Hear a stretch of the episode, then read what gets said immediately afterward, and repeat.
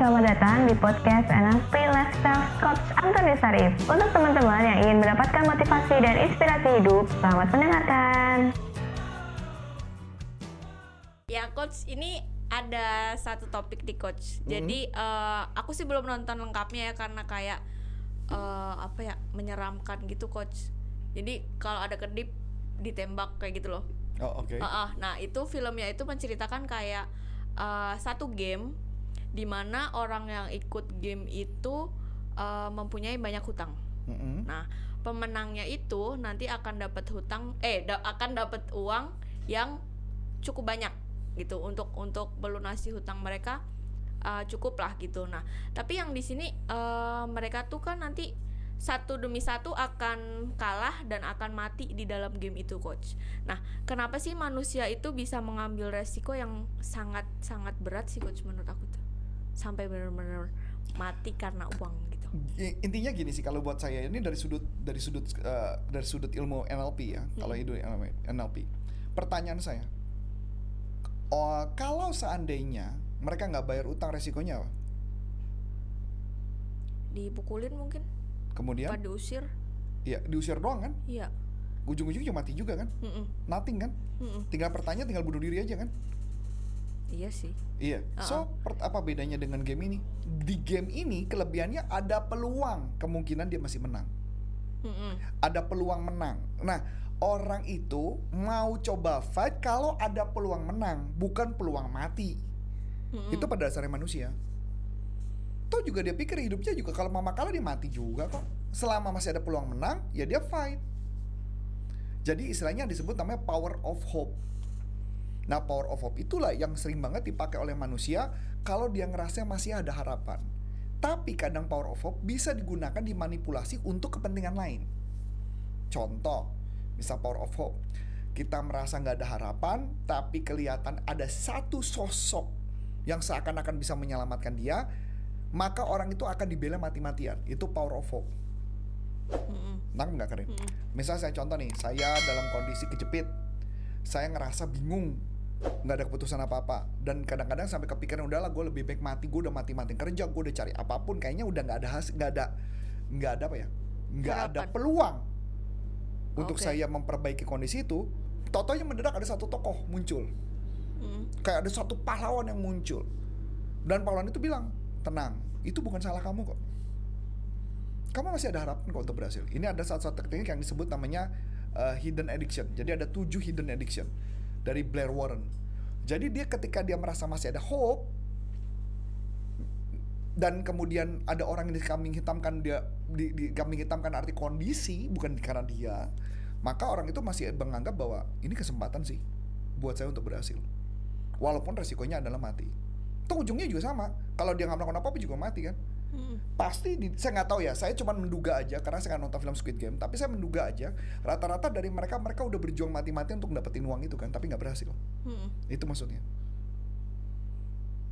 Berarti itu kayak misalkan tinggal nunggu waktunya aja tapi ada dua pilihan gitu ada ya, dua Coach? pilihan makanya kenapa kalau dalam ilmu psikologi pengertiannya adalah manusia tidak jadi manusia akan ngambil kesempatan peluang kalau ada keberhasilan jadi kayak gini contoh misalkan Karin ya Karin uh, ada undian Karin dapat uang 10 juta Mm-mm. 50-50 gitu atau Karin ada peluang untuk memenangkan ya 20 juta tapi peluangnya adalah cuma 10% saya ulangi lagi 50% Karin Hmm. ada kemungkinan peluang menang 10 juta ya berarti satu banding dua Mm-mm.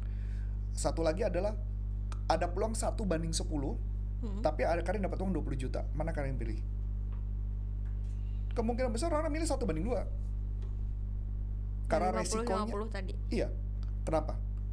Karena kemungkinan berhasil tinggi. Kalau sepersepuluh tuh udah kayak nggak ada harapan itu. Mm-mm. Kalau sepersepuluh kan artinya kan 9 kali kemungkinan Iya. kalah menang satu. Mm-mm. Tapi kalau 50-50 apa yang terjadi? Masih ada kemungkinan menang atau kalah kan betul? Mm-mm. Bedanya apa? Ih sama-sama kalah kok. Jadi mendingan yang itu. Begitu juga ketika permainan Squid Game. Coba kalau permainan Squid Game ada cerita lagi yang lain, ada problem lagi yang kayak gitu, mungkin orang akan ngeliat peluang lain. Ada peluang lagi nggak yang lain? Kalau nggak ada peluang ya mau apa? Mungkin keluarganya udah nggak terima dia. kehidupan dia udah nggak terima dia, hutangnya udah terlalu banyak. Itu yang terjadi dalam ketika orang merasa terdesak dia akan melakukan segalanya. Dan menariknya di law of attraction itu ada konsep ya. Jadi kayak gini. Kenapa sih kalau orang orang kalau penuh ketakutan, maka hidupnya akan makin berantakan. Semakin cemas, dia akan semakin berantakan hidupnya. Tapi lucunya, kalau mereka sudah di dalam kondisi bottom, jadi kalau bahasa Inggrisnya disebutnya rock bottom, alias tuh udah ketemu ujung gitu loh. Mm, udah dasar banget Udah dasar banget, nggak ada yang perlu ditakutin lagi kan? Lucunya dia malah sukses. Kenapa? Karena orang pada saat rock bottom di kondisi yang paling bawah, dia sudah nggak ada harapan. Berhasil boleh, nggak berhasil nggak apa-apa, dan tidak ada unsur ketakutan. Sedangkan orang yang masih kaya, kemudian dia jatuh satu kali, dua kali jatuh, dia bilang, aduh jangan sampai nih, saya bangkrut, bangkrut beneran. Sedangkan yang rock bottom, ya nothing tulus lah. Toh gue udah di bawah kok Karin, terus mau diapain lagi? Mau hancur yang mana lagi? Sudah hancur kok, udah udah hancur kok, terus mau apa lagi? Itulah yang membuat kenapa orang pada rock bottom berhasil bisa menjadi sukses. Itu juga yang psikologi-psikologi menarik di manusia sih. Sebelum Anda lanjut nonton video ini, silakan Anda subscribe, like, dan share kepada teman-teman Anda sehingga channel ini bisa bertumbuh. Nah, di film itu kan juga diceritakan nih coach. Jadi kan misalkan si A ini eh, terlilit hutang. Lalu dia ikut main eh, Squid Game itu. Lalu pas di Squid Game itu tuh kayak di voting dulu. Jadi misalkan eh, 51 banding 49, berarti kan gamenya dilanjutin tuh. Tapi kalau misalkan yang nggak mau ikut game itu 51%, berarti ya udah semua pulang. Nah, itu ada pemeran yang sudah pulang tapi pas pulang itu dia terlilit hutang ada faktor-faktor yang bikin dia tuh mau masuk lagi ke Squid Game nah itu tuh faktor pengaruhnya apa sih coach Nah ini menarik gitu ya. Jadi ada satu teori yang menarik. Jadi teori psikologi mengatakan gini. Pada dasarnya, kenapa sih ada orang yang mau berubah hidupnya? Karena pada dasarnya orang tuh berubah kalau sudah kepentok yang maksimum. yang tadi di di bottom banget Kepentok masuk. Ya. Ha-ha. Jadi dia akan berubah karena udah kepentok maksimum. Jadi artinya gini, lu udah jatuh kecil timah ke tangga, udah ketimpa tangga, digigit buaya, dimakan singa gitu loh. Mm-mm. Jadi karena lu sudah jatuh, udah ketimpa tangga, ketimpa rumah, ketimpa macam-macam, hidup lu tuh udah ngerasa terdesak, udah deh gua apa pun gua akan lakukan. Itu ada satu buah teori psiko- ilmu psikologi. Makanya banyak orang kalau ditanya gini, kenapa kalau mama ikut bisnis multi level atau asuransi baru sukses eh, beberapa orang kayak gitu? Karena mereka sudah kehajar dengan kondisi berkali-kali Karin. Yang ngerasa A salah, B gua salah, C gua salah, ketimpa masalah. Udah ketimpa masalah yang sangat banyak ya udah deh. Pilihan cuma satu. Gue berubah, gak ada pilihan lain. Makanya kenapa kadang-kadang dari teori tersebut mengatakan akhirnya mereka lebih baik memutuskan untuk main game lagi Karin. Yang which is artinya eh, makanya kalau ada orang kalau hidupnya belum kepentok, kalau cuma kepentok doang, tek gagal. Itu orang masih nggak ngelakuin sih Karin. Tapi kalau dia melihat banyak penderitaan-penderitaan yang terjadi dalam kehidupan dia, apalagi kalau dalam NLP disebut namanya away from, orang menghindari rasa sakit atau pain, pain atau pleasure, artinya dia menghindari rasa sakit, maka dia akan prefer menghindar. Jadi manusia gini pada dasarnya. Manusia akan menghindari kesakitan, dia mengejar kenikmatan. Mm. Kalau penderitaannya jauh lebih besar daripada kenikmatan, maka orang akan berhenti. Tapi kalau kenikmatan lebih besar daripada rasa sakit, ya maka orang itu akan tetap ngelakuin. Berarti apa? Kenikmatan membayar hutang, kenikmatan itu semua lebih besar dibandingkan kesakitan yang dimiliki. Maka orang itu mau berkorban. Saya kasih kamu contoh. Anggaplah Karin gini, Karin diculik, diculik sama seseorang.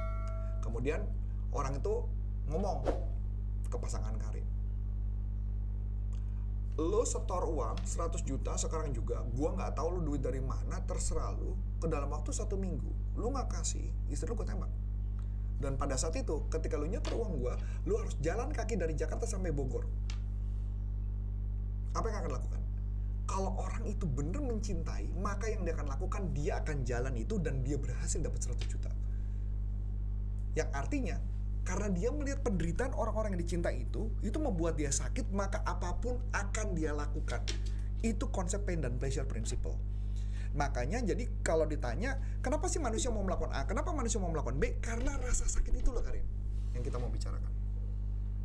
Jadi masuk akal kan? Mm-mm. Jadi permainan itu itulah ilmu-ilmu psikologi yang kadang-kadang kenapa kalau mau menggunakan itu untuk merubah manusia orang itu harus kepentok dulu yang sangat maksimum kalau nggak nggak bisa Karin. ada batas maksimalnya nggak sih coach kayak gitu misalkan empat kali nih udah kepentok Nggak ada istilah itu. Istilahnya adalah setiap orang tergantung penderitaannya seberapa banyak. Tapi kalau penderitaannya terlalu banyak, sangat banyak banget, dan mereka bisa jadi akan freeze. Freeze itu artinya tidak melakukan apa pun. Jadi malah jadi ngeheng, malah masuk rumah sakit jiwa. Jadi maka aku ditanya, kenapa sih orang-orang bisa gila? Ya itu tadi Karin. Dihajar kiri, dihajar kanan, ya udah ngeheng, selesai, finish. Itu yang terjadi. Eh coach menarik menurut aku untuk pembahasan Squid Game kali ini. Kalau misalkan mau ikut kelas coach Arif caranya gimana sih? Nah gampang banget, jadi tinggal masuk ke eh, pelatihan motivasi.id dan juga atau kalau mau ikut pelatihan NLP bisa masuk ke nlpleadershipindonesia.com dan di sana bisa eh, tahu jadwal dan schedule dan sebagainya. Eh, akhir kata, saya Coach Antoni Sarif dan Saya Karin. mengucapkan terima kasih sukses buat Anda sampai jumpa. Bye bye. Nah, untuk teman-teman yang sudah menerangkan, terima kasih ya dan nantikan podcast selanjutnya.